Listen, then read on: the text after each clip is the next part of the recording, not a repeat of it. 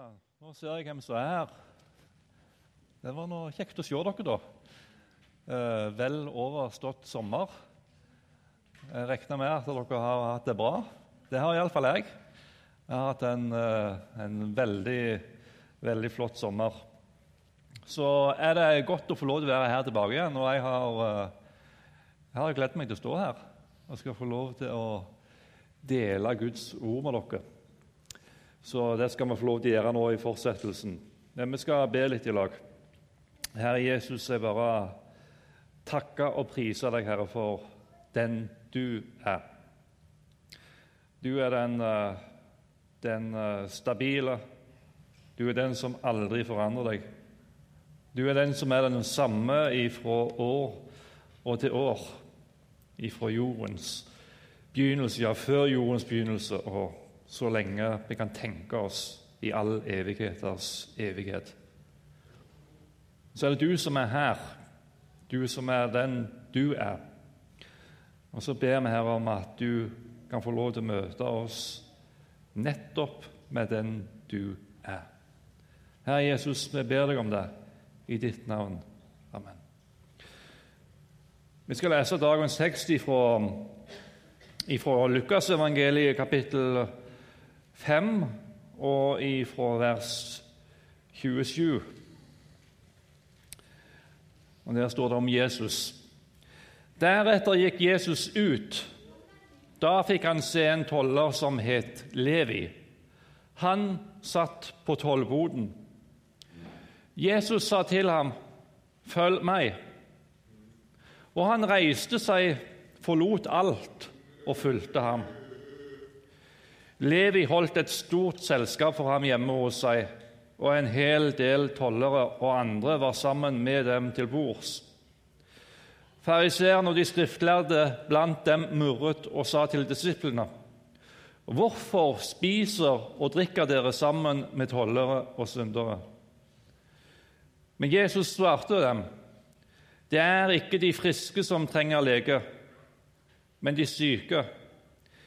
Jeg er ikke kommet for å kalle rettferdige, men syndere til omvendelse. Jesus han er her ganske i starten av sin offentlige gjerning. I, i ca. 30 år så har han levd som folk flest. Men de tre siste åra av livet så levde han egentlig, hvis vi skal bruke et uttrykk fra Eh, vår dagligtale. Han levde et liv i rampelyset. Tidligere hadde han kalt eh, noen av de andre som vi i dag kjenner som de tolv disiplene eller apostler, til å følge etter seg. Han hadde helbredet de syke. Han hadde begynt å forkynne evangeliet. Og Så skjer det da at han går forbi en tollbod hvor tolleren Levi sitter eller som vi best kjenner han da som apostelen Matteus, han som har skrevet Matteus-evangeliet. Og Jeg har lyst til at uh, vi skal sette oss litt inn i hva er det egentlig her som skjer. For her var det altså en som var i tjeneste for okkupasjonsmakta. Han krevde, altså På vegne av romerne så krevde han inn skatt ifra folket. Og Det var ganske mange av disse tollerne på, på Jesus' i tid. Og I tillegg til at de krevde inn skatt, så så de sitt snitt til å tjene en ekstra slant med penger med, ved å kreve inn litt ekstra når folk skulle betale skatt. De var noen luringer, og de var ikke vel ansett av folket. Og I Kapernaum, som dette skjedde da, så krevde Levi mest sannsynlig da inn tolv av eh, fiskere som Peter og Johannes. Um, og, og, Peter og Andre, Jakob, Peter og Andreas. Og kanskje til og med de, de sendte de to yngre brødrene Jakob og Johannes til Jerusalem for å selge fisk, og da måtte de òg betale skatt. Eh, hvis vi hadde levd på den tida der og vært en jøde så tviler jeg sterkt på at vi hadde eh, tenkt at nå skal jeg bare stikke innom denne tollboden en liten tur. Jeg tror Hvis vi hadde levd eh, på den tida der, så hadde det vært mest naturlig for oss å velge noen omveier utenom denne forakta tollboden. Det er ganske klart for oss at Jesus han velger ikke en omvei for å unngå tollboden. Han går heller ikke bare rett forbi og har et blikk bort på tollboden, eh, der så tolleren Levi sitter. Han går heller ikke bare bort og slår av en prat om dagligdagse ting, men han går bort. Og så sier han til Levi, denne tolleren som var forakta av jødene. Og så inviterer han tolleren Levi til fellesskap med seg. Han spør om han vil følge etter Jesus. Og det er ganske stort når vi ser hvem denne tolleren egentlig var. Og Det Jesus gjorde da han spurte eh, tolleren Levi når han spurte han, følg meg, eh, så var det egentlig en invitasjon til disippelskap i sammen med Jesus. For Det står rett etterpå at han, han forlot alt, og så fulgte han etter Jesus. Han forlot tollboden, og så begynte han å følge etter Jesus, og det gjorde han resten av sitt liv. Eh, og På Jesu tid så var ikke disippelskap noe som var uvanlig. De skriftlærde og fariseerne hadde òg disipler på den tida der. Og De skulle ikke bare lytte til den undervisninga som læremesteren eh, kom med, men de skulle hele tida være sammen med sin lærer, tjene og være sammen med han på hans vandringer og reiser.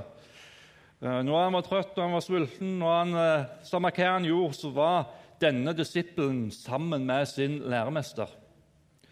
Um, en lærer han skulle heller ikke bare veilede de, sine disipler gjennom sin undervisning, men de skulle òg praktisere det de lærte. Og På den måten fikk disiplene anledning til å se hvordan hans lære skulle omsettes i livet. I den konteksten er det Jesus kalte Levi til å følge etter seg.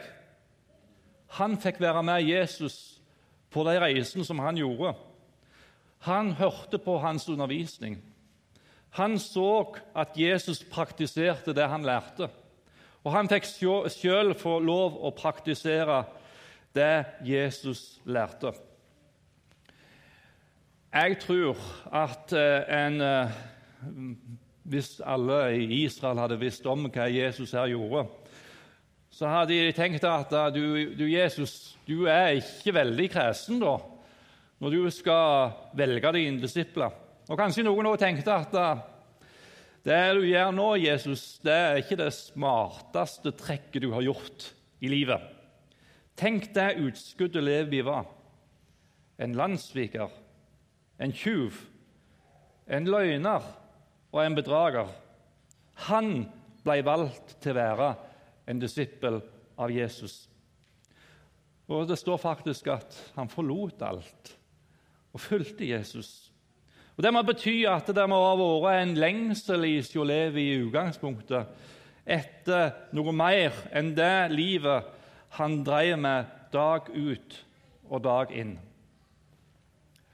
Jesus han så mennesket bak tolleren som satt der i tollboden.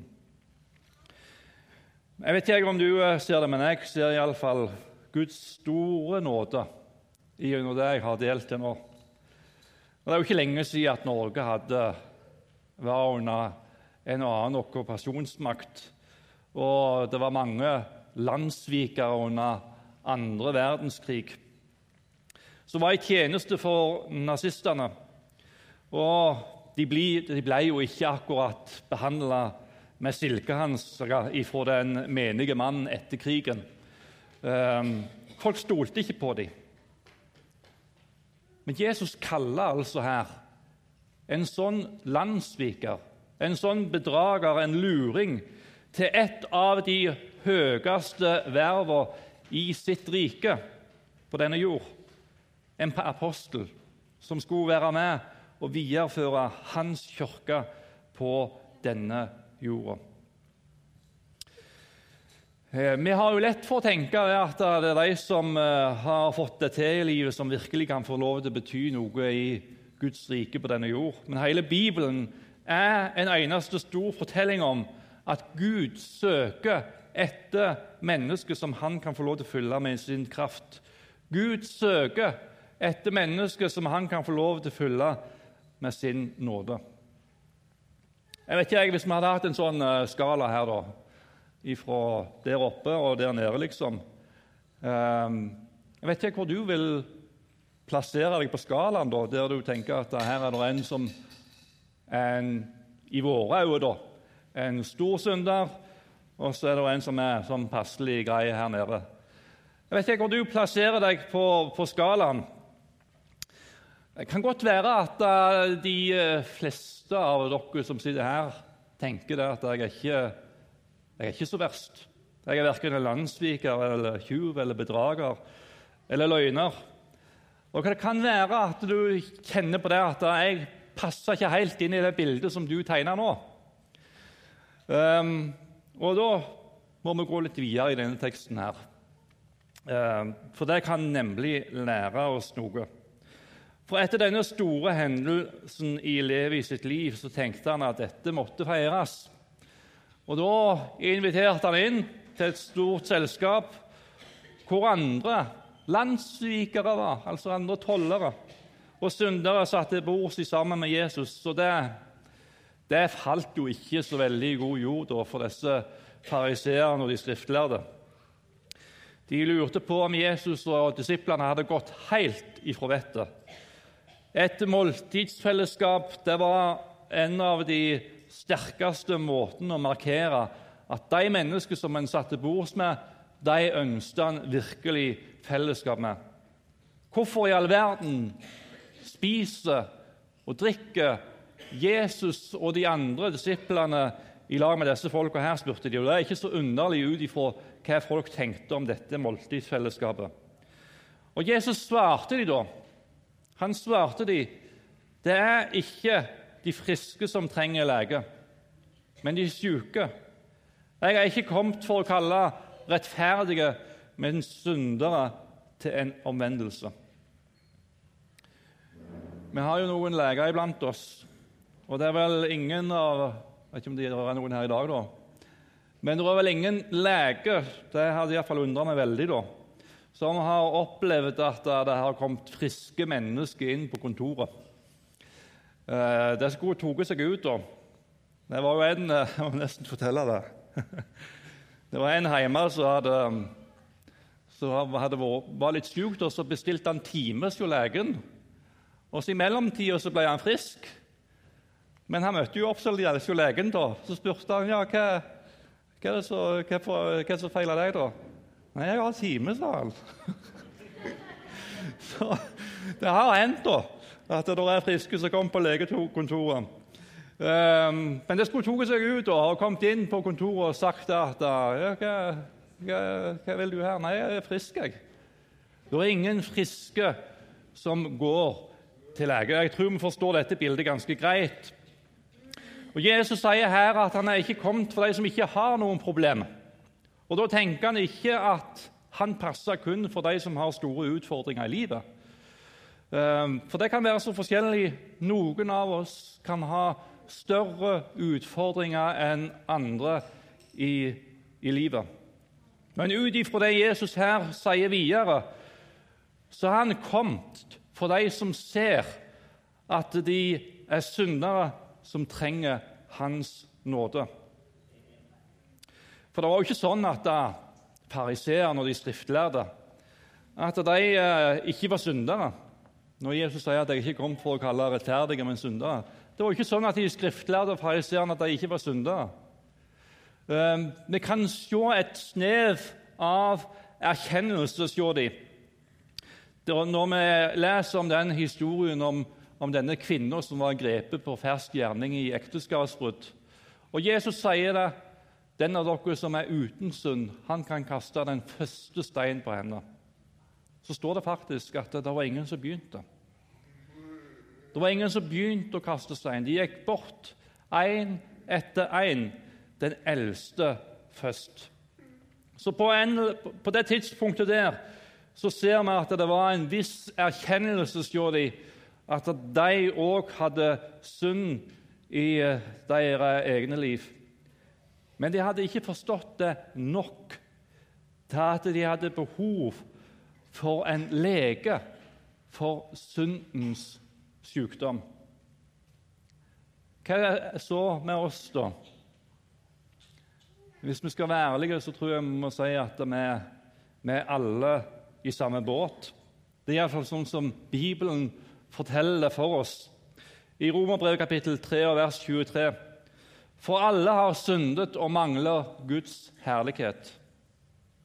Og Fra Jakob 2 vers 10 så står det For den som holder hele loven, men snubler i ett av budene, har gjort seg skyldig i å bryte dem alle.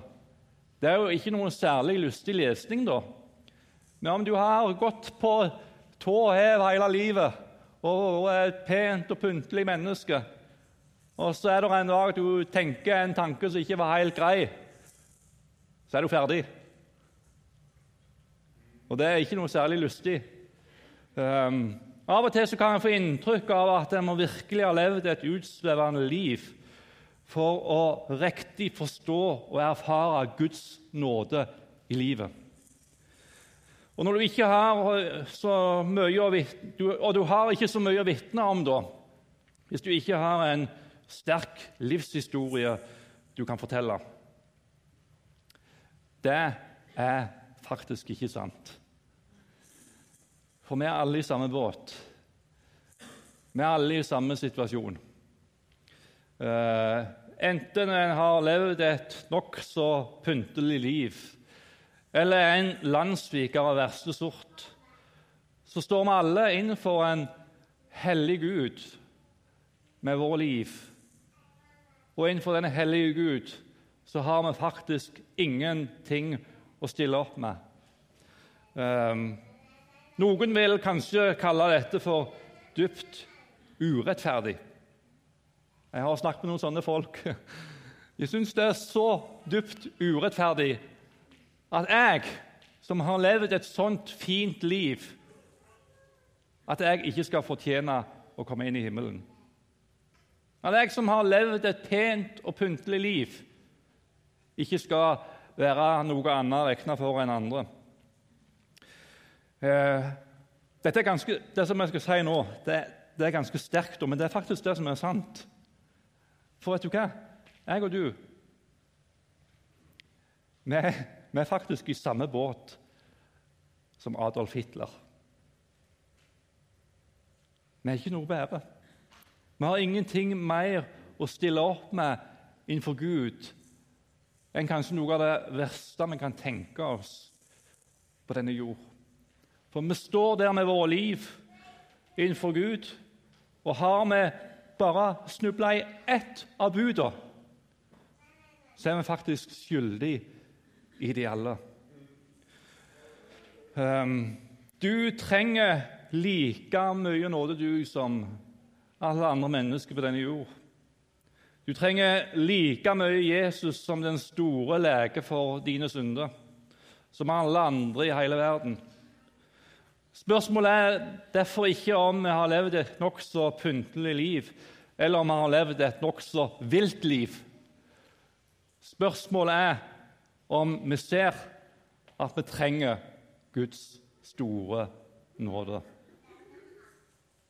Så tror jeg faktisk det er lettere da, for folk som har levd et utsvevende liv, å se at jeg virkelig trenger Guds nåde. Men du trenger det like mye. Og så er det ikke snakk om, om og noen som sier det, men jeg, jeg, ehm, jeg, jeg, føler meg ikke som noen sånn eh, jeg føler meg ikke som noen sånn stor synder. Og så er det ofte sånn, da, tenker jeg, at hvis vi har gjort noe galt som andre har sett, så kjennes det enda tyngre her inne. Og så er det skammen kanskje vi kjenner mest på, enn erkjennelsen av at vi faktisk har gjort noe galt. Men Gud ser like alvorlig på både det som andre mennesker ser, Og det er ingen andre mennesker ser. Gud ser inn i våre hjerter. Ehm, så om du ikke kjenner deg som noen sånn stor Du ikke føler deg som noen sånn stor synder, så kan du i hvert fall stå med ditt liv innenfor Gud og si og erkjenne det. Og si Gud, jeg vet at jeg har synda. Jeg vet at jeg er en synder. Jeg vet at jeg er en som ikke fortjener himmelen, men jeg trenger din nåde. Kjære venner, la oss verken se opp eller ned på noen. Det kan jo veldig fort gjøre det. Vi ser opp på noen som lever sånn, og så ser vi ned på andre som lever sånn. La oss verken se opp eller ned på noen, for vi er alle i samme båt. Vi er alle i samme fortvilte situasjon. Vi har alle noen svin på skogen. Om ikke annet så har vi krenka Gud i tanker, ord og gjerninger og kjenner på lysten til det onde i vår hjerter. Kjære venner, vi trenger Guds nåde. Og Derfor er jeg så glad for alle disse ordene i Bibelen som sier noe om nettopp dette. I Efeserbrevet 2, vers 8 og 9.: For av nåde er dere frelst ved tro. Det er ikke deres eget verk, men Guds gave. Det hviler ikke på gjerningen for at ikke noen skal skryte av seg selv. Og det vi har lest fra Romerbrevet kapittel 3, vers 23 og 24. For alle har syndet og mangler Guds herlighet, men ufortjent.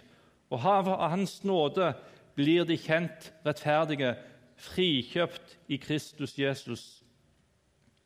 Og fra Efeserbrevet 2, vers 4 og 5. Men Gud er rik på barmhjertighet. Fordi Han elsket oss med så, en, en, så stor kjærlighet, gjorde Han oss levende med Kristus, vi som var drøde på grunn av våre misgjerninger. Av nåde er dere frelst. Så syns jeg det er godt at vi skal få lov til å starte og stå der innenfor Gud. Iallfall jeg har ikke vært på noe møte før, før nå i denne sommeren. her. Å stå der innenfor Gud og si til Gud Gud, jeg trenger din store nåde. At Jesus stoppa opp ved min bot, hvis du forstår meg i bildet, er et like stort under som at Jesus stoppa med tollboden til Levi. Um, og Det er heller ikke sånn at det er mer håp for meg enn de som eh, både banner, har seg en fest og lever et utsvevende liv. Det er ikke mer håp for meg. Og det er heller ikke sånn at jeg har mer fortjent tjeneste for Jesus. Og det jeg har heller ikke noe mer himmelverdighet enn de har. Det som gjør at jeg har verdighet, det er på grunn av Guds store nåde. Det at jeg har himmelverdighet, er på grunn av Guds store nåde. Det at jeg kan få lov til å tjene Han, det er på grunn av Guds store nåde. Det at jeg kan få lov til å følge etter Jesus, det er Guds store nåde. Og Det var den nåden denne tolleren Levi fikk erfare denne dagen her. Da Jesus stoppa opp nettopp ved han, så fikk han erfare Guds store nåde inn i sitt liv. Og nå vet jeg helt hvor du er hen, og hvordan du kjenner deg. Men la denne historien her, enten du ikke kjenner deg som en stor synder, eller du kjenner deg som en stor synder, så la oss alle stå der innenfor Gud og bare erkjenne det. Gud, jeg trenger deg. Til slutt så har jeg lyst til å si noen ord om denne tolleren Levi. For Jesus han så det ingen andre så. Jeg er sikker på at de, eh, de som så denne her tolleren Levi som satt der i denne tollboden dag ut og dag inn, de så en, en bedrager, en løgner, en som ikke, var, ikke, en som, en som ikke var noe særlig å bruke tid på. Og Kanskje noen så at her var det et veldig hardt ytre. Men bak dette harde ytre så var det et menneske som lengta. Et menneske som lengta. Og når Jesus kom med den enkle invitasjonen 'Følg meg', så var han klar. Og så tenker jeg at vi lever jo ikke i Israel for 2000 år siden. Vi lever i Norge i 2017. Men det er mennesker som kan være i vår vei. Vi kan plassere folk i bås der vi, der vi tenker om noen at disse folka her de har liksom litt potensial i seg til å bli skikkelige kristne. Da, sant? Og så tenker vi noen at uh, de folka der vet jeg ikke om det er helt håp for. Og så tenker vi noen tenk hvis de hadde blitt kristne. Da kunne de virkelig fått bety noe inn i, inn i Guds rike på denne jord. Jeg tviler sterkt på at uh, vi ville ha plassert uh, tolleren Levi inn i den kategorien at hvis han blir en kristen, så kan han sikkert bety mye for Guds rike på denne jord. Um, vi må ikke plassere folk i denne, denne type båser. For bak det harde ytre så kan det være mennesker som sitter der med en smerte i livet. Mennesker som sitter der og kjenner en lengsel etter noe mer enn det de kjenner på hver dag. Um, la oss slutte med å plassere folk i den type båser. Jeg, kan, jeg har gjort det mange ganger sjøl. Ikke sånn at jeg tenker at det har jeg aldri gjort. For det har jeg gjort. Jeg har lett for å plassere folk i denne type båser, men la oss slutte med det. Og spør Den hellige ånd og spør Gud om hans ledelse til mennesker som er åpne for evangeliet. Um, ofte så kan det være at de som for oss ser ut til å være lengst vekke, de er faktisk ganske nær til å ta imot Jesus. Ehm, så la oss gå ut i hverdagen med den spenningen der. Er det noen her som du, Gud, har bearbeidet allerede? Er det noen her som er åpne for evangeliet? Og så er det nettopp der den historien om, ehm, eller denne lignelsen om såmannen som gikk ut for, sitt, for, å så sitt såkorn ut, som er et ganske godt eksempel på det. Hva var det han gjorde for noe? Han såmannen som gikk ut for å så. Han sådde overalt, han. Han var raus. Han var utrolig raus. Han sådde på steingrunn, han sådde blant tårner, han sådde blant tistler. Han sådde der det ikke kom til å bli noe resultat. Og så satt han i den gode jord. Men hva var det her med han såmannen? Han var utrolig raus og strødde ut. Så Når vi går inn i en ny høst og møter ulike mennesker, la oss ikke holde igjen. La oss ikke holde igjen det gode budskapet som er for alle mennesker. Men la oss være rause med å dele ut Guds ord. Plutselig så kan vi stå der i en situasjon, og så er Gud der. Og så åpner mennesket seg for Jesus og tar imot han i sitt liv. Tolleren Levi Guds store nåde. Jeg er så takknemlig for Guds store nåde i mitt eget liv. Og så er det det vi skal få lov til å dele ut til den store verden. Guds store nåde. Han som er kommet for å kalle syndere til omvendelse. Og Herre Jesus, vi har lyst til å takke og prise deg for at det er sånn du er. Takk, Herre Jesus. Og så takker jeg deg for at jeg får ha det privilegiet å følge etter deg, Herre. Og Så ber jeg Herre om at du må lede meg steg for steg på den veien som du ønsker at jeg skal gå. Så takker jeg deg, Herre, priser deg, Herre, for din nåde, Herre. Takk, Herre, i ditt navn.